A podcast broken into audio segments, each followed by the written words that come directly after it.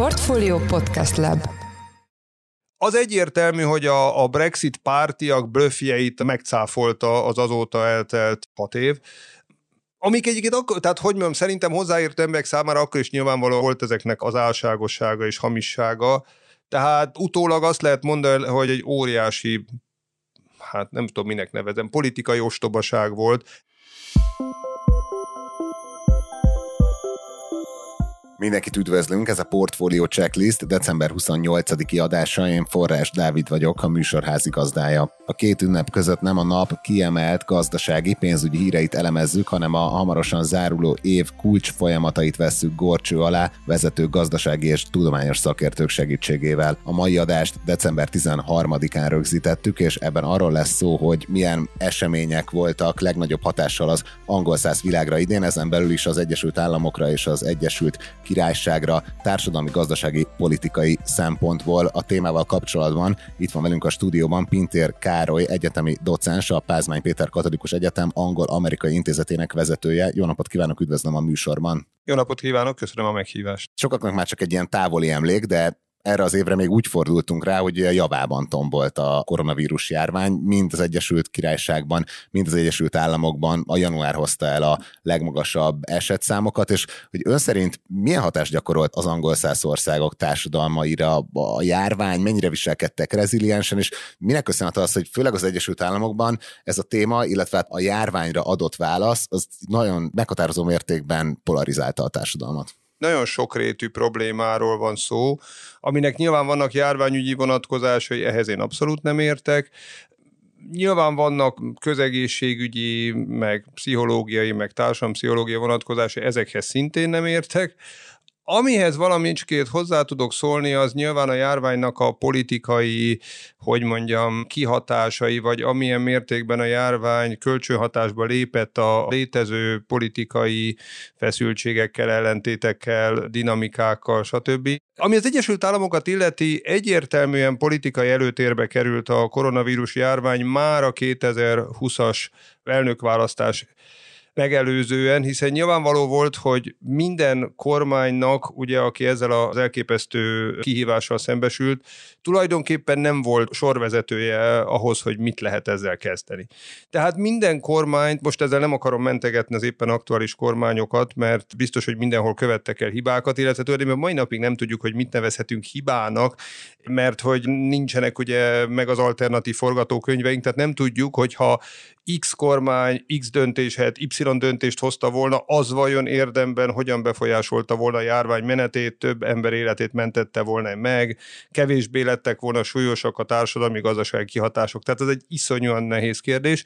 Az tény, hogy ugye a járvány kitörésekor még Donald Trump volt az Egyesült Államok elnöke, és éppen ezért neki kellett, illetve az ő kormányának kellett szembenézni ezzel a kihívással, és hát azt hiszem az azért megállja a helyét, hogy a Trump kormány finoman szólva nem nyúlt nagyon jól a koronavírushoz. Először ugye Trump kifejezetten megpróbálta a bizonyos mértékig ignorálni, illetve elbagatelizálni, hogy nem is olyan veszélyes, ez nem kell ebből akkora ügyet csinálni.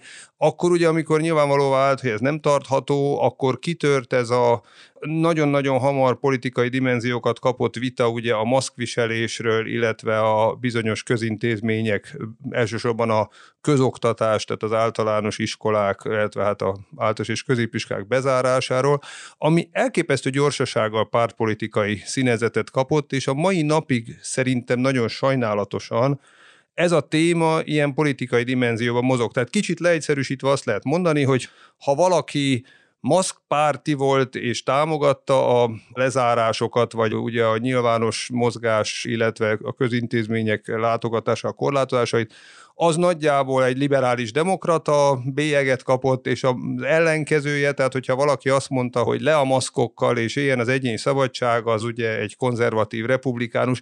Ez egyébként nagyjából egészében igaz is, de nyilván azért egyes emberekre nézve nem lehet ilyen egyszerűsítő döntéseket hozni.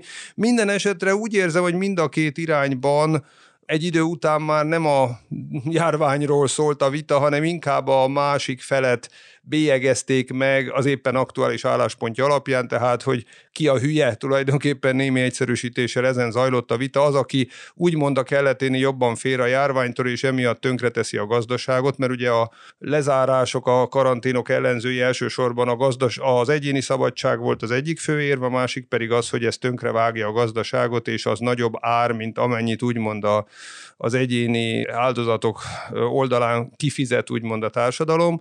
A másik oldalon pedig pontosan ennek az ellenkezője állt, hogy az emberi életekkel nem szeret játszani, és semmi sem drága azért, hogy lehetőleg minél több embert megkíméljünk a korona vírustól. Tehát ez az alapvetően szerintem nem szükségszem politikai vita nagyon-nagyon erősen polarizálódott, és ne felejtjük, ez nem csak szövetségi szinten zajlott, hiszen az Egyesült Államok egy szövetségi ország, tehát ez 50 államban tulajdonképpen 50 féleképpen zajlott le, nem független attól, hogy az adott államban melyik párt volt hatalmon, gondolok arra, hogy melyik párt adta a kormányzót, és melyik párt adta az állami törvényhozás többségét. Tehát jellemzően a demokrata többségű államokban inkább a karanténos, lezárós politika érvényesült, hiszen ugye a közoktatás Amerikában állami felügyelet alatt áll, tehát nem szövetségi szinten, hanem állami szinten hozták például azt a döntést, hogy becsukják-e a, az állami iskolákat, vagy sem míg mondjuk republikánus többségi államokban ezek a korlátozások sokkal kevésbé érvényesültek. És ez azt jelenti, társadalmi szinten most maradva az Egyesült Államoknál, megfigyelhető az, hogyha jön valamilyen új típusú probléma, mint mondjuk a koronavírus vagy bármi, akkor rögtön így leoszlik politikai oldalakra. Úgy tűnik, hogy ez az új normális, hogy úgy mondjam, ilyen szépen fogalmazva. Tehát én szerintem az Egyesült Államok közkultúrájának az egyik pozitívumát az én szemben pont az adta, hogy voltak olyan témák, amelyeket többé-kevésbé kívül tartottak a politika erőterén. Például ilyen volt, nem mondom, hogy a külpolitika, mint olyan, de mondjuk a, a nemzetvédelem például ezek közé tartozott, de olyan alapvetően nem feltétlenül nagyon politikailag releváns témák, mint nem tudom én, közegészségügy akár. Nem az egészségügyi rendszer, az, az egy nagyon is politikai téma, főleg annak a finanszírozása, de mondjuk az, hogy szükség van egy normális közegészségügyi ellátásra, ez, ez, ez azért alapvetően nem kérdés. A kérdés az, hogy hogyan finanszírozunk. Szóval én úgy látom, hogy az Egyesült Államok politikai polarizáció valóban elérte azt a szintet, hogy szinte minden téma inkább előbb, mint utóbb pártpolitikai erő vonalak mentén hasad ketté, és kialakulnak ilyen nagyon gyorsan dogmatikussá merevülő álláspontok, és itt a dogmatikust hangsúlyoznám elsősorban. Tehát az általam kedvelt és olvasott mérsékelt publicisták mindkét oldalon leginkább azt kárhoztatják a mai amerikai közéletben, hogy nagyon beszűkült az értelmes vita tere. Tehát, hogy nagyon hamar kialakulnak ezek a megfelebezhetetlennek tűnő álláspontok, és akkor a vita az igazából abból áll, hogy ugyanazokat az érveket dobálják egymás fejéhez a valódi párbeszéd, vagy a másik fél megértésének a szándéka nélkül, amihez az kapcsolódik, hogy mind a két oldal a másik mögött, hogy úgy mondjam, alantas szándékokat gyanít. Tehát nem feltételezik a másikra, hogy valóban azok az érvek, amiket hangoztatnak, hanem arról van szó, hogy ezek az érvekkel fedik el a valódi szándékaikat, amik ugye mindig politikaiak. És ez mennyire volt igaz a háborúra? Ugye itt most már februárban járunk, amikor kitör az orosz-ukrán háború. Talán itt nem láttuk ezt a típusú polarizáltságot.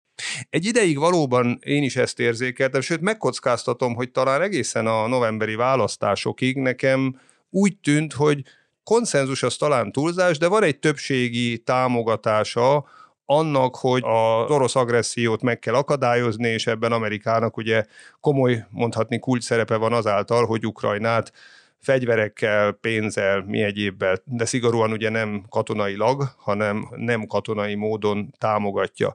Én úgy láttam, hogy emögött a, a republikánus párt, hogy úgy mondjam, fősodorja is ott állt, de ugye amint közeledtek a választások, és valahogy ugye meg kellett a két pártnak különböztetni egymást, azért itt már előjöttek olyan érvek, amelyek ugye most is aktuálisak, hogy nem költe úgymond a jelenleg éppen demokrata kormány túl sokat Ukrajnára, mert azért, azért mégiscsak hát mennyi pénzt akarunk mi egy idegen ország támogatásába ölni. Itt ugye bekúszik a Trump által valamelyest előtérbe tolt Amerika, az amerikaiaké jellegű enyhén hát izolacionista külpolitikai vonulat, tehát hogy nekünk nem az a dolgunk, hogy a világ problémáit megoldjuk, pláne, hogy pénzt költsünk, vagy sok pénzt költsünk ilyen dolgokra, hanem elsősorban foglalkozzunk úgymond a saját többnyire belföldi prioritásainkkal is.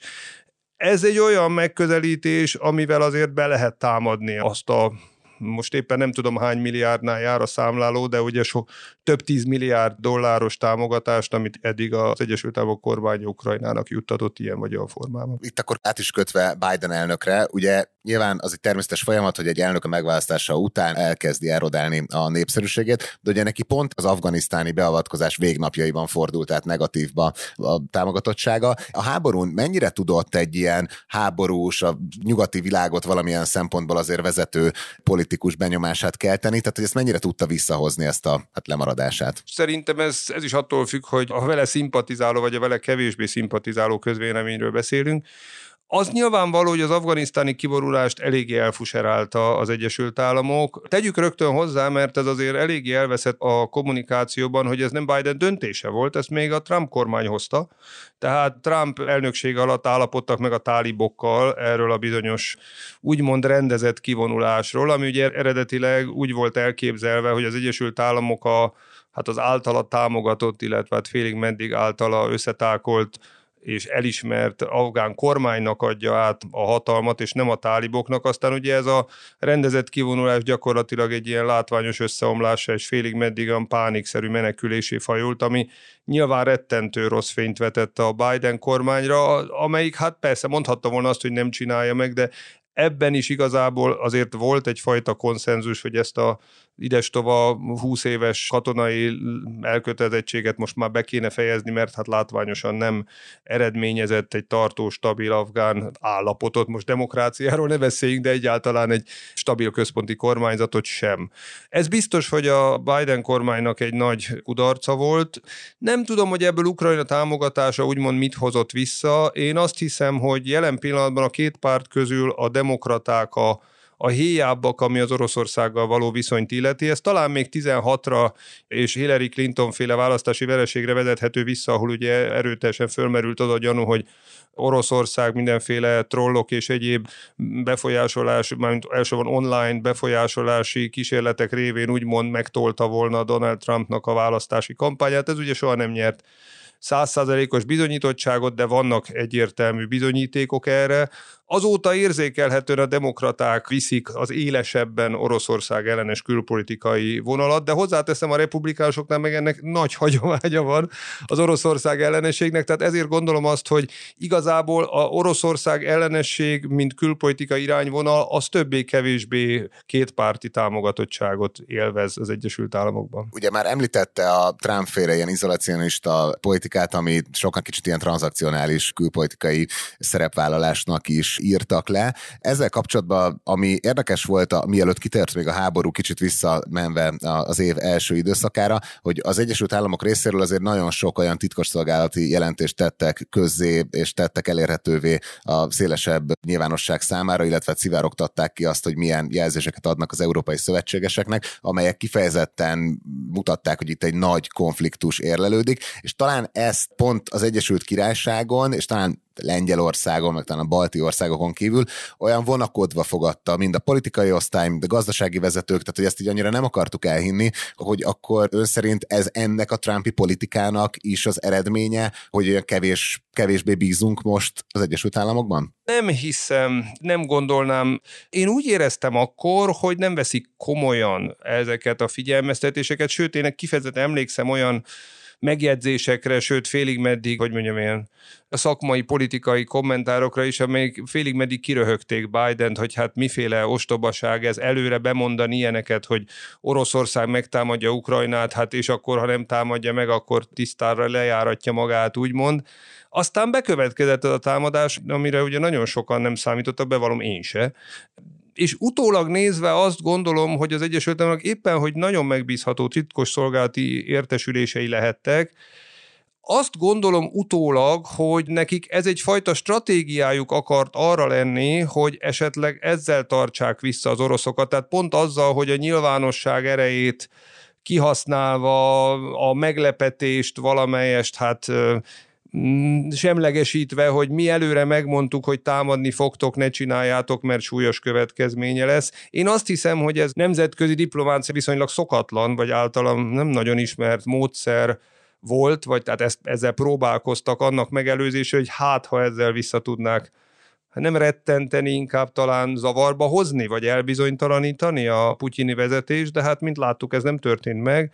Az Egyesült Államok a háború kitörése óta tanúsított magatartása, ez valamennyire helyreállította az európai szövetségesekkel való viszonyát? Tehát helyreállt egy olyan dinamika, hogy van az Egyesült Államok, ami így a vezetője ennek a blokknak, és akkor vannak ilyen nagyon szoros szövetségesek Európában.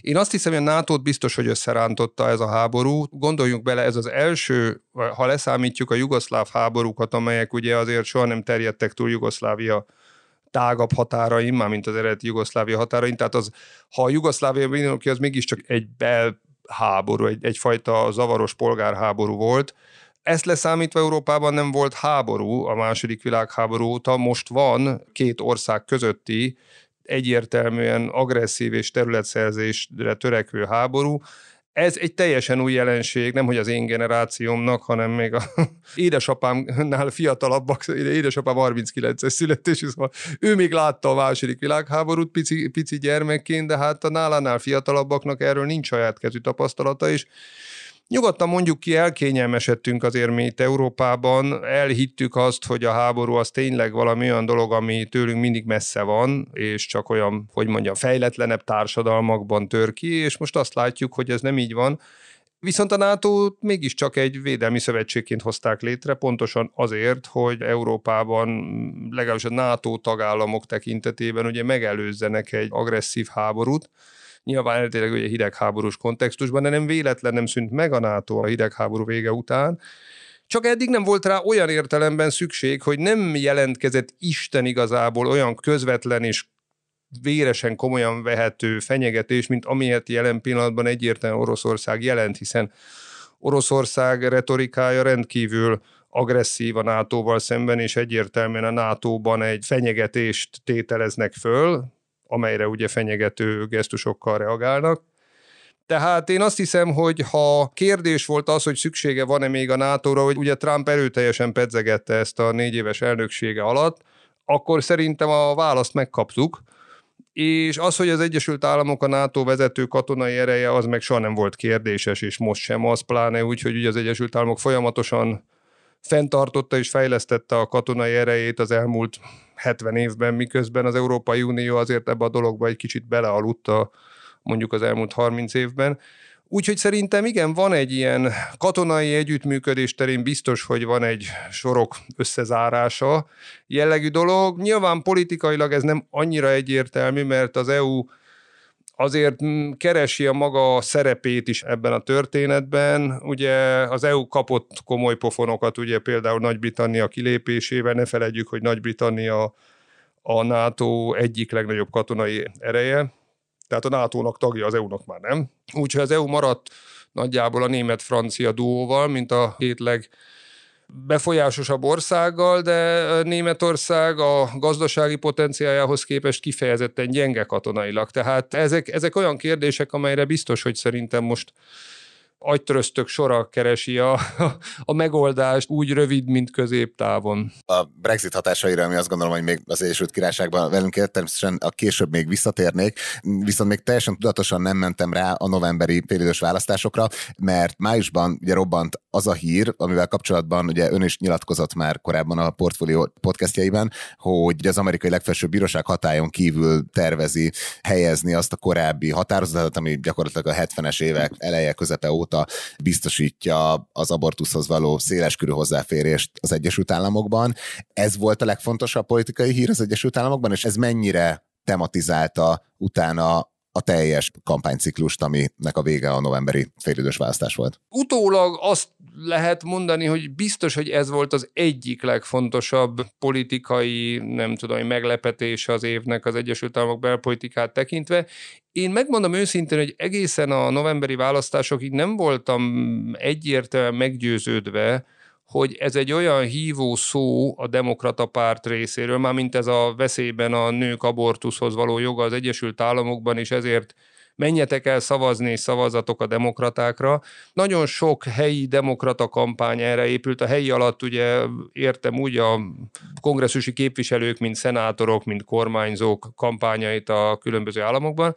Szóval nem voltam benne biztos, hogy ez önmagában megmozdít annyi szavazót, hogy az értékelhető különbséget eredményez a választási eredményben.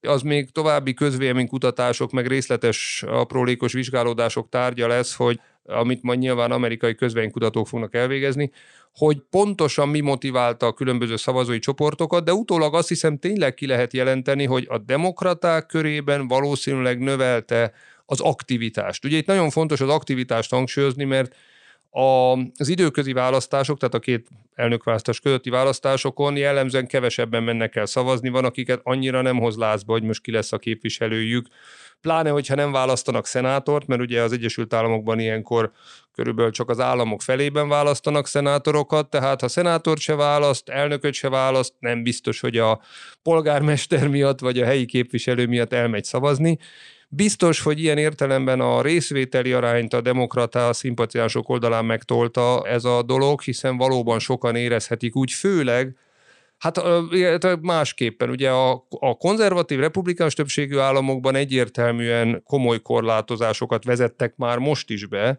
az abortuszhoz való hozzáférésben, ez ugye államonként változó, minden állam másként nyúlt a dologhoz, de általában el lehet mondani, hogy a korlátozások megjelentek már, a demokrata többségű államokban viszont éppen ellentétes irányú mozgás, tehát ott több államban például népszavazási kezdeményezést indítottak, szintén a novemberi választás részeként, amelyben kifejezetten azt kérdezték, hogy belefoglalják-e az adott állam alkotmányába az abortuszhoz való jogot, és ezt több állama meg is szavazták. Tehát e, ilyen értelemben szerintem volt, ha nem is mindenütt egyformán, de országszerte mondjuk szerintem kimutathatóan volt mozgósító ereje ennek a, ennek a döntésnek. Egyébként a közvénykutatások szerint az Egyesült Államokban egy enyhe többség, tehát nem elsőprő többség, de egy olyan 60% körüli többség bizonyos fenntartásokkal vagy, vagy korlátozásokkal, de támogatja az abortuszhoz való hozzáférést, tehát azt lehet mondani, hogy az abortusz széles körű tiralma vagy erős korlátozása az egy kisebbségi nézet a mai Amerikában. Ezzel kapcsolatban lenne a következő kérdésem, hogy az elmúlt 30 évben gyakorlatilag ugye két konzervatív elnök kapott szavazat többséggel elnöki mandátumot, ugye George Bush és George W. Bush, ugye W. Bush csak egyszer, és hogy ez mennyire erodálhatja az amerikai, hát ilyen közpolitikai rendszerben, meg a legfelsőbb bíróság bíróságban vetett bizalmat, hogy azért itt van egy, egy egyre stabilabban kialakuló demokrata többség az országban, most nem a politikai rendszer szempontjából beszélek, hanem csak így szavazat szám alapján, és mégis egy hiperkonzervatív legfelsőbb bírósága van jelenleg az Egyesült Államoknak, aminek ilyen társadalmi hatásai lehetnek. Hát ez is egy nagyon bonyolult és sokrétű kérdés. Ugye egyfelől van az a fajta felfogás, amit persze főleg a mai republikánus konzervatív oldal szeretnek hangoztatni, az Egyesült Államok nem demokrácia, hanem köztársaság.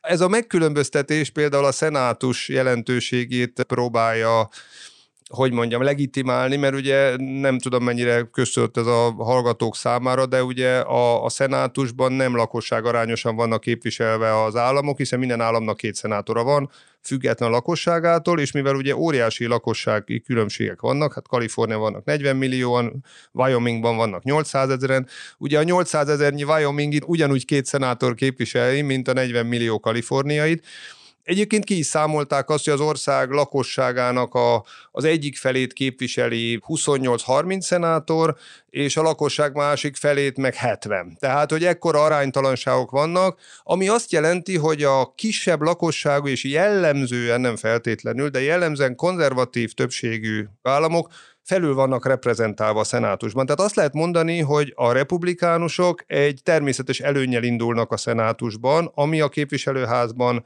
kevéssé igaz. De ugye ezt a hagyományos logikát pont a mostani választás borította fel, hiszen most azt látjuk, hogy a képviselőházban szerzett egy enyhe többséget a republikánus párt, ugye kellemetlen meglepetés volt számukra, ők egy sokkal nagyobb és meggyőzőbb győzelemre számítottak, ami nem következett be, miközben a szenátusban nem, hogy nem tudták átvenni a többséget, hanem a demokraták még egyel növelték is a szenátoraik számát. Szóval ez a matematika sem mindig jön ki ilyen világosan és egyértelműen. Azért beszéltem erről, mert ez ugye befolyásolja az elnökválasztást is, mert az elnökválasztás az elektori rendszer szabályi alapján zajlik, és az elektorok számát ugye szintén a szenátorok száma is befolyásolja, magyarán szólva a kisebb létszámú államok arányaiban több elektort birtokolnak, megint csak ki lehet ezt szépen matematikailag számolni, hogy egy elektora hány lakós jut X állama, meg Y államban.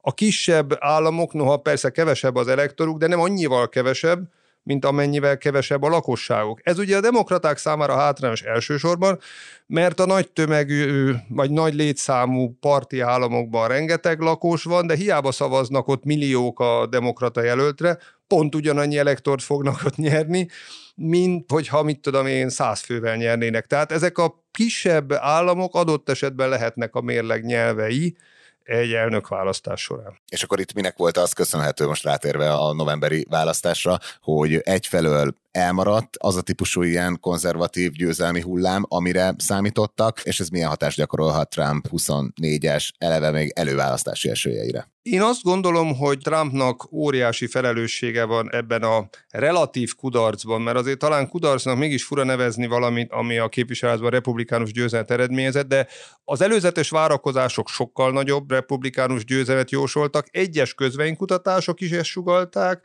Országosan ilyen 4%-os többséget, 3-4%-os többséget mértek a republikánusoknak. Úgy gondolták, hogy ha ez nagyjából arányosan fordul le szavazatokra, akkor itt akár vérmes remények, akár 30-40 fős republikánus többséget is jósoltak a képviselőházban. Ugye a szenátus az mindig egy más mese, mert csak egyes államokban választanak szenátorokat, és ilyen szempontból a demokratáknak szerencséjük volt. Viszonylag kevés olyan államban volt most éppen, ugye szenátorokat hat évre választanak, és mindig csak egyharmaduk kerül újra választás elé minden adott választás évben.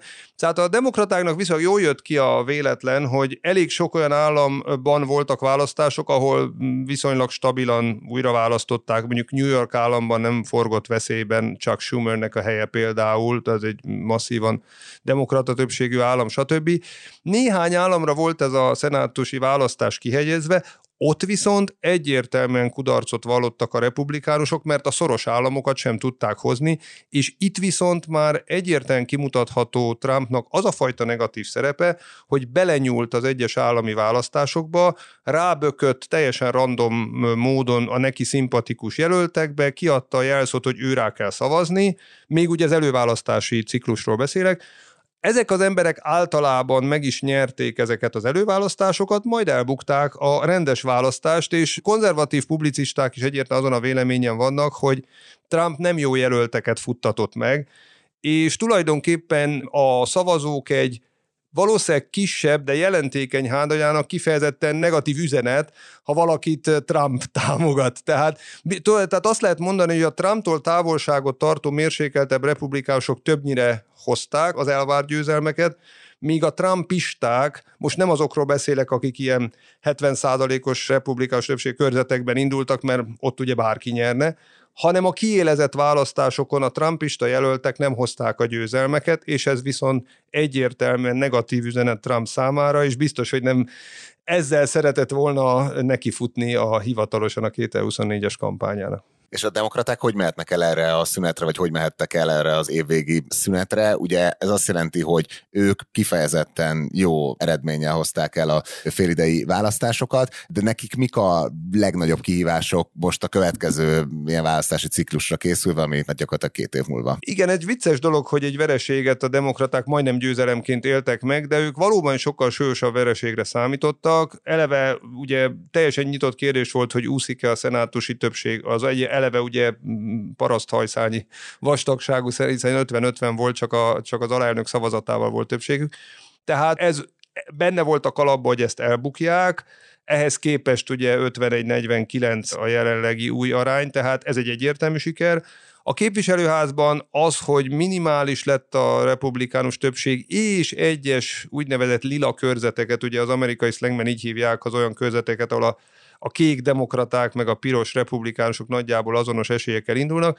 Szóval egyes lila körzeteket is meg tudtak nyerni demokraták, tehát én azt gondolom, hogy összességében ez nekik inkább siker, mint kudarc, de hát ettől függetlenül még az a következő két évre jósolható felállás, hogy a kongresszusban nem sok minden fog történni, mert ugye amikor a két ház ellentétes párt többsége rendelkezik, az majdnem garancia arra, hogy semmi érdemi törvényhozás nem fog zajlani, és hát a képviselőház azért a republikánus többség biztos, hogy ahol tudott, fog betartani Biden elnöknek a következő két évben. Ugye van ez a Hunter Biden sztori, ami, ami ugye 2020 óta hogy mondjam, lebeg valahol így Biden feje fölött, ugye tulajdonképpen már ugye az első Trump féle alkotmányos vádemelés is innen indult, tehát hogy Hunter Bidennek biztos, hogy voltak elég gázos történeteim Ukrajnában, és a republikánusok régóta ki vannak arra éhezve, hogy erre ráindítsanak egy vizsgálóbizottságot a képviselőházban. Ez minden valószínűség szerint be fog következni, és azért ez okozhat még kellemetlenségeket Biden elnöknek. Azon kívül politikai értelemben Hát a legfelsőbb bíróság az azért egy, hogy mondjam, egy elszabadult hajóágyú jelen pillanatban, tehát ez a hatfős többség azért új felállás a legfelsőbb bíróságnál, mert hát azt lehet mondani, hogy 30 éve, 40 éve, valahogy mindig úgy működött a legfelsőbb bíróság, hogy mindig volt egy bíró, aki a mérleg nyelvének a szerepét játszotta, és még ha esetleg konzervatív szimpátia is volt, bizonyos ügyekben hol ide, hol oda szavazott. Tehát nem lehetett úgymond előre megjósolni, hogy egy kényes politikailag kiélezett ügyben hogy dönt a bíróság. Most, hogy van egy ötfős, elég kemény konzervatív többség, ez a mérleg nyelve szerepe eltűnt. John Roberts, a főbíró próbálta ezt a szerepet betölteni, ő például a többség ellen szavazott az abortusz ügyben, de ugye ő így is csak maradt a négyfős kisebbségben, úgyhogy a legfelsőbb bíróság szerintem itt még okozhat meglepetéseket, ami nem feltétlenül a hogy mondjam, tehát felbolygathatja a politikai kedélyeket ilyen vagy olyan módon, bár akkora a duranás talán nem csatarsolyukban, mint az abortusz döntés. Ugye most, ha jól tudom, ma fogja, vagy alá is írta már Biden elnök azt az új törvényt, amelyet kifejezetten azért hozott a még kifelé menő demokrata többségű kongresszus, hogy megvédjék a, az azonos neműek házasságát, amit ugye egy legfelsőbb bírósági döntés legalizált az USA-ban 2015-ben, és mivel pontosan attól tartanak, hogy a legfelsőbb bíróság esetleg ezt a precedenst felülbírálná, tulajdonképpen törvényben rögzítették azt, hogy az azonos neműek házasságát nem lehet érvénytelen nyilvánítani. Ilyen értelemben egy ilyen legfelsőbb bírósági bombát már jó előre semlegesítettek. Térjünk rá az Egyesült Királyságra. Ugye ez volt az az év, amikor a korábbiaknál világosabban elkezdtek felsejleni a Brexitnek az igazi gazdasági hatásai, tehát itt beszéltünk arról, hogy az Egyesült Királyság külkereskedelme az sokkal lassabban áll helyre, mint bárkinek a, a G7 országokban, csökkentek a peer-to-peer EU-s cégekkel való gazdasági kapcsolataik, azok az előre beígért nagy gazdasági megállapodások mindenkivel külön gazdasági szabad szabadkereskedelmi egyezmények, ez ugye csak Ausztráliával köttetett eddig meg, ami százalék környéki szinten van a, a teljes külkereskedelmükből. Tehát itt egyre inkább látszik az, hogy milyen hatásai lehetnek a Brexit-tel. Ez mennyire tematizálja még jelenleg a, a brit közbeszédet? Itt van erről bármi diskurzus? Azt hiszem, hogy a brit társadalomban már jó pár éve megfigyelhető ez a, az angolul Brexit fatigue-nek nevezett jelenség, tehát a belefáradás ebbe az egész Brexit témába. Tehát biztos, hogy benne a közvélemény egy részét ez továbbra is élénken foglalkoztatja, és úgymond motiválja, vagy izgatja, főleg azokat, akik valamilyen szempontból közvetlenül érintettek. Tehát akiknek mondjuk az állása múlott ezen, vagy aki mondjuk üzleti szereplő, és e, súlyos károkat okozott neki a Brexit, azokat biztos, hogy ez a téma foglalkoztatja. Az átlag ember, én úgy érzem, egy kicsit belefásult ebbe a témába, Ugye a gazdasági problémáknak megvan az a sajátossága, hogy nem szakemberek számára nehezen átláthatók, tehát az átlag ember szerintem hajlamos megvonni a vállát, és azt mondani, hogy mindegy, most már túl vagyunk rajta, menjünk tovább. Tehát én azt hiszem, hogy a társadalom többsége igazából nem akar már olyan nagyon a Brexit-tel foglalkozni, hanem muszáj. De ugye bizonyos értelem muszáj, mert a következmények itt vannak velük. Az egyértelmű, hogy a, a Brexit pártiak blöffjeit megcáfolta az azóta eltelt hat év, Amik egyébként akkor, tehát hogy mondjam, szerintem hozzáértő emberek számára akkor is nyilvánvaló volt ezeknek az álságossága és hamissága.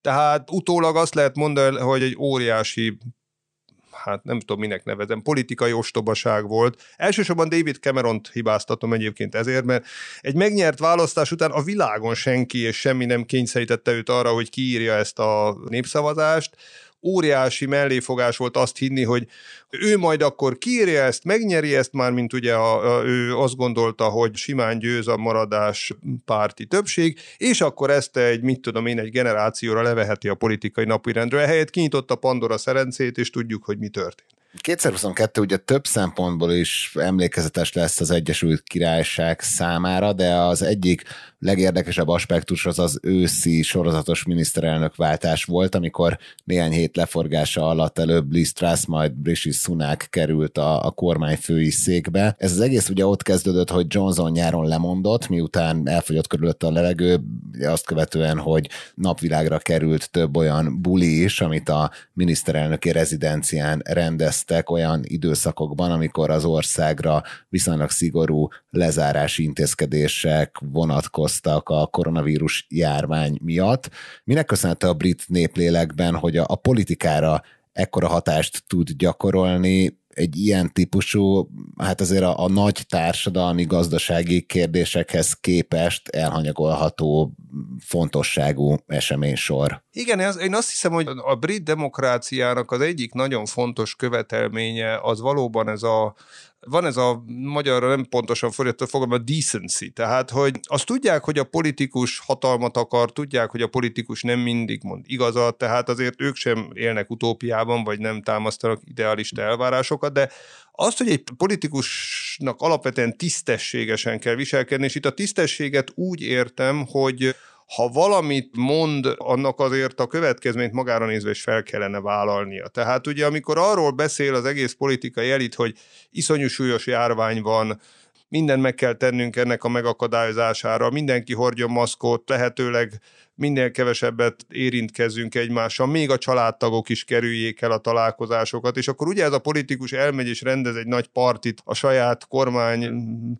tagjai, illetve hát ott nyilván a, a kormányzati adminisztráció tagjai számára. Ez egy olyan kettős mérce, ami a brit közvéleményben sokkal nagyobb megbotránkozást vált ki, mint talán a nálunk Kelet-Európában, a kicsit mm, azt hiszem cinikusabban viszonyulunk úgy általában a hatalmon lévőknek az erkölcsi értékrendjéhez.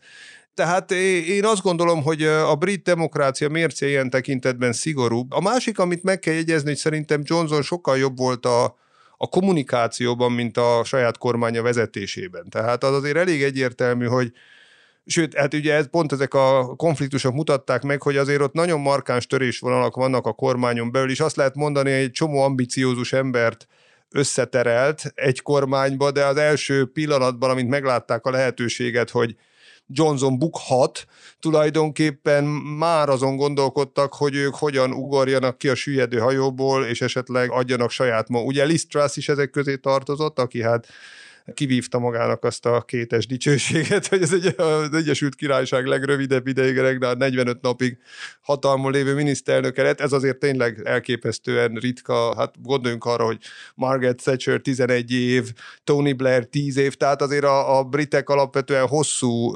miniszterelnöki ciklusokhoz vannak szokva, ehhez képest a 45 nap az tényleg döbbenetes. De hát Liz Truss ugye óriási öngolt lőtt ezzel a fedezet nélküli adó csökkentéssel, amire egyébként Rishi Sunak, a riválisa eleve megmondta, hogy nagyon rossz ötlet, és azért mégiscsak Rishi Sunak volt Boris Johnsonnak a gazdasági minisztere, vagy a pénzügyminisztere, tehát azért, és egyébként Rishi Sunak maga is ugye egy gazdasági végzettséggel és tapasztalattal rendelkező ember, tehát azt azért nehéz tőle elvitatni, hogy gazdasági kérdésekben jártas. Tulajdonképpen így az lehet mondani, hogy Rishi Sunak lett bizonyos értelemben a nevető vesztes, mert ugye a, a belső konzervatív párti választáson vesztett Liz szemben, így viszont úgy került hatalomra, hogy neki semmit nem kellett érte csinálni, Liz Truss elásta saját magát rekordsebességgel. Úgyhogy én azt gondolom, jelen pillanatban Rishi Sunak jó esélyekkel bír, a, persze ne kiabáljuk el, majd meglátjuk, de viszonylag jó eséllyel indul arra, hogy kihúzza a következő parlamenti választásokig. Ugye, hogyha nem követel óriási nagy hibát, és nem torpedozzák meg a saját pártjából, a konzervatívok elég többsége rendelkeznek ahhoz, hogy kibekkeljék, viszont a következő választásokon nagyon meglepődnék, ha nem a, a Labour nyerne. Tehát azt hiszem, hogy a konzervatívok azért most arra elég rendesen leamortizálták a népszerűségüket. Ja, az interjú végéhez közeledve van nyilván egy brit téma, ami nem megkerülhető az idei év kapcsán. Ez ugye a királynő szeptember 8-án meghalt, és ugye a helyét a fia vette át ez az egész ilyen monarchia, ez így milyen helyen van a brit társadalom életében? Tehát ez hogy lehet a legjobban megérteni innen Kelet-Európából, hogy ez egyáltalán miért fontos a briteknek, és ez még így miért van velünk? hát talán a legegyszerűbb szó, amint erre válaszként mondatok, az a, az a hagyomány. A hagyomány és a kontinuitás. Tehát az a brit hát nem is tudom, mit mondjam, generációk élettapasztalat. Ugye nagyon nehéz nekünk magyaroknak, akik mondjuk száz év alatt átéltünk hú, most hirtelen nem ismerem összeszámolni 5-6-7 impériumváltást, tehát nekünk majd, hogy nem a bizonytalanság a norma. Nagyon nehéz belehelyezkednünk egy olyan ország politikai kultúrájába és politikai gondolkodásába, ahol az utolsó erőszakos hatalomváltás az 300 valahány éve történt. Tehát ilyen értelemben a kontinuitásnak és a megváltoztatva megőrzésnek, mert ugye itt nem egy olyasfajta csőlátó konzervativizmusra gondolok, hogy mindennek pontosan úgy kell lennie, ahogy volt, hanem egy sokkal rugalmasabb felfogású konzervativizmusnak, hiszen rengeteg minden változott Erzsébet királynő 70 éves uralkodás alatt. Ő maga is nagyon sokat változtatott a monarchia intézményén, és tulajdonképpen elképesztően utólag, pláne egy visszatekintve erre a 70 évre, szerintem óriási tiszteltet érdemel ő, ahogy alapvetően konzervatív beállítottság ellenére mert haladni a korral, és felfogta, a, főleg a döntő pillanatokban megértette, hogy valamilyen irányban lépnie kell a monarchiának is, hogyha nem akarja a saját népszerűségét elveszteni. És azért ő tényleg egy egy személyes intézményé lett már nyugodtan mondhatjuk az utolsó 30 évében. Károly számára nyilván ez egy komoly kihívás, hogy ezt először is ő maga azért nem indul olyan népszerűséggel, mint az édesanyja, tehát neki egy picit ezért meg kell még küzdenie. Szerintem a lojalitás megvan iránta, talán egy kicsit távolságtartóban viszonyulnak hozzá, mint Erzsébethez, de minden esélye megvan rá, hogy ő is egy kellően népszerű és elfogadott uralkodó legyen. Neki ugye hajlamos egy kicsit eljárni a szája, hogy ilyen udvariatlanul fogalmazok, lehet nem kéne ilyet egy királyról mondanom, de trónörökösként azért ő tett brit mércével mérve ellentmondásos kijelentéseket, ezt hangsúlyozom, mert az ő mércék nagyon máshol van, mint a miénk. Ugye most ki is nyilatkoztatta, nem is tudom pontosan, hogy hát ugye királyként ő már nagyon sok mindenben nem foglalhat állást, ami például ugye az egyik kedvenc téma, hogy a környezetvédelem, az épített örökség megőrzése. Ugye ő ilyenekben most már nagyon óvatosan nyilatkozhat, mert nagyon könnyen pártpolitikai színezetet kaphat, és a, az egyik legkomolyabb elvárás a brit uralkodóval szemben az az, hogy tökéletesen semlegesen kell viszonyulni a, a pártpolitikai kérdésekhez. Szóval szerintem neki most egy kicsit még tanulnia kell ezt a szerepet. Erzsébet elképesztő profizmus. Tehát szerintem utólag jövünk csak rá, hogy Erzsébet milyen vérprofi volt a maga ártatlan nagymama imidzse mögött, mert hogy igazából szerintem a legnagyobb teljesítmény az, hogy sosem hibázott. Ami talán a legnagyobb dolog egy kvázi politikai szerepben lévő ember részéről, hogy szinte minden helyzetben tudta, hogy mit lehet mondania, és mit nem lehet mondania, és a kettő, tehát a nem lehet, az legalább olyan fontos ebben a helyzetben, mint az, hogy mit lehet. Tehát mi az, ami elfogadható, az ő szerepe, mint alkotmányos szerepe, közpolitikai szerepe és a közvélemény felé eljátszott szerepe szempontja, és mi az, ami nem fér bele. Szerintem Károlynak ez lesz a legnagyobb feladat, hogy ezt a, az egyensúlyt ugyanolyan pontosan, ugyanolyan óvatosan, átgondoltan játsza, mint az édesanyja. Ha ez sikerül, akkor szerintem nagy problémája nem lehet.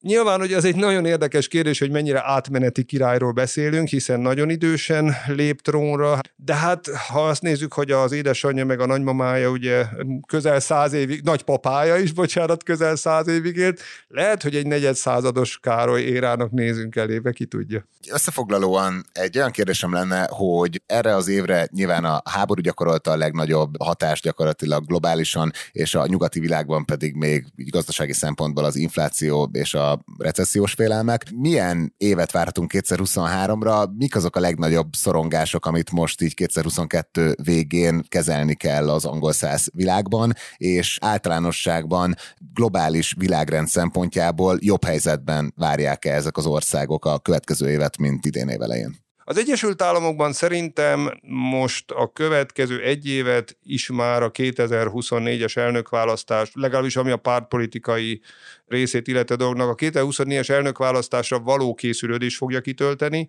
Ugye Trump már jelképesen szólva bedobta a kalapját a ringbe, tehát ő már világosá tette, hogy indul. Fél évvel ezelőtt azt gondoltam volna, hogy ezzel el is dőlt a republikánus párt elnök jelöltsége. Most már nem vagyok benne annyira biztos, tehát ugye nem beszéltünk róla, de ugye a floridai kormányzó ugye Ron DeSantis személyében, aki óriási győzelmet aratott a kormányzó választáson Floridában, egy szintén lila államban, ezt hozzá, tehát 60%-ot szerezni egy lila államban az óriási fegyvertény. Ezzel nagyon sok Trumpal nem szimpatizál a republikánus számára gyakorlatilag ő jelent meg, mint az ideális republikánus elnökjelölt, aki biztosan tudna győzni, még ugye nagyon sokan kételkednek abban, hogy Trump nem egy újabb vereség elé néz 2024-ben, tehát ott van egy ilyen kérdés. A demokrata oldal ugyanez Pepitában, Ugye minden idők legidősebb elnöke Joe Biden komolyan gondolja azt, hogy újraindul. Szerintem még a vele szimpatizálók igen jelentős, és azt gondolja, hogy talán mégse kéne. Na de ha nem ő, akkor kicsoda? Tehát ugye ezek a kérdések nagyjából azért a következő egy év során el kell, hogy dőljenek, mert ugye 2023 végén már úgy kell ráfordulni a mindkét, hát bocsánat, az előválasztások még csak utána fognak elindulni, de legalább annak, hogy hány komolyan vehető jelölt van, illetve hogy beszáll-e Biden vagy sem, annak ki kéne derülni a következő egy évben. Nagy-Britanniában nehezebb szerintem jósolni. Annyi váratlan dolog történt az elmúlt egy évben, hogy ember legyen a talpán, aki ezek után megmeri jósolni, mi lesz Nagy-Britanniában. Vannak komoly nyitott kérdések a brit politikában, amik évek óta ott lógnak. Ugye az északír probléma, ami Gondolok itt arra, ugye, hogy a Brexit az egy nagyon bizonytalan helyzet eredményezett Észak-Írország, gyakorlatilag a vámhatárt ugye Észak-Írország és a brit sziget közé helyezte, ami nem tetszik az északi protestánsoknak, nem tetszik a konzervatívok egy részének sem. Ott a skót függetlenség problémája szintén évek óta lóg a levegőben. Lesz-e újabb népszavazás? Mikor lesz újabb népszavazás? Hozzájárul ehhez a központi kormány, vagy sem? Tehát vannak ilyen nagy alkotmányos kérdések, a Brexit elhúzódó hatásai, meg ugye a gazdasági nehézségek egy másik olyan probléma. Nagy-Britannia semmiképpen nincs most gazdaságilag jó formában, ilyen szempontból szerintem sokkal kevésbé van jó formában, mint mondjuk az Egyesült Államok. És hát érdekes kérdéseket vett fel, ugye Nagy-Britannia volt azt hiszem Ukrajna támogatásának a legnagyobb híve Európán belül talán Lengyelországot leszámítva. Tehát a britek nagyon határozottan, és Boris Johnson személy szerint nagyon határozottan beállt Ukrajna mögé ebben a kérdésben, itt ugye ez egy nyitott kérdés, hogy itt a britek továbbra is viszik-e ezt a, ezt a, ezt a nagyon határozott orosz ellenes vonalat tovább. Nagyjából ezek jutottak így első blikre az eszembe. Nagyon köszönjük a, az elemzését. Ez volt a Portfolio Checklist december 28-i adása, amiben az angol száz világ 2022-es évét tekintettük át. A vendégünk volt Pintér Károly, egyetemi docánsa, a Pázmány Péter Katolikus Egyetem angol-amerikai intézetének vezetője. Köszönjük szépen, hogy a rendelkezésünkre állt. Én is köszönöm.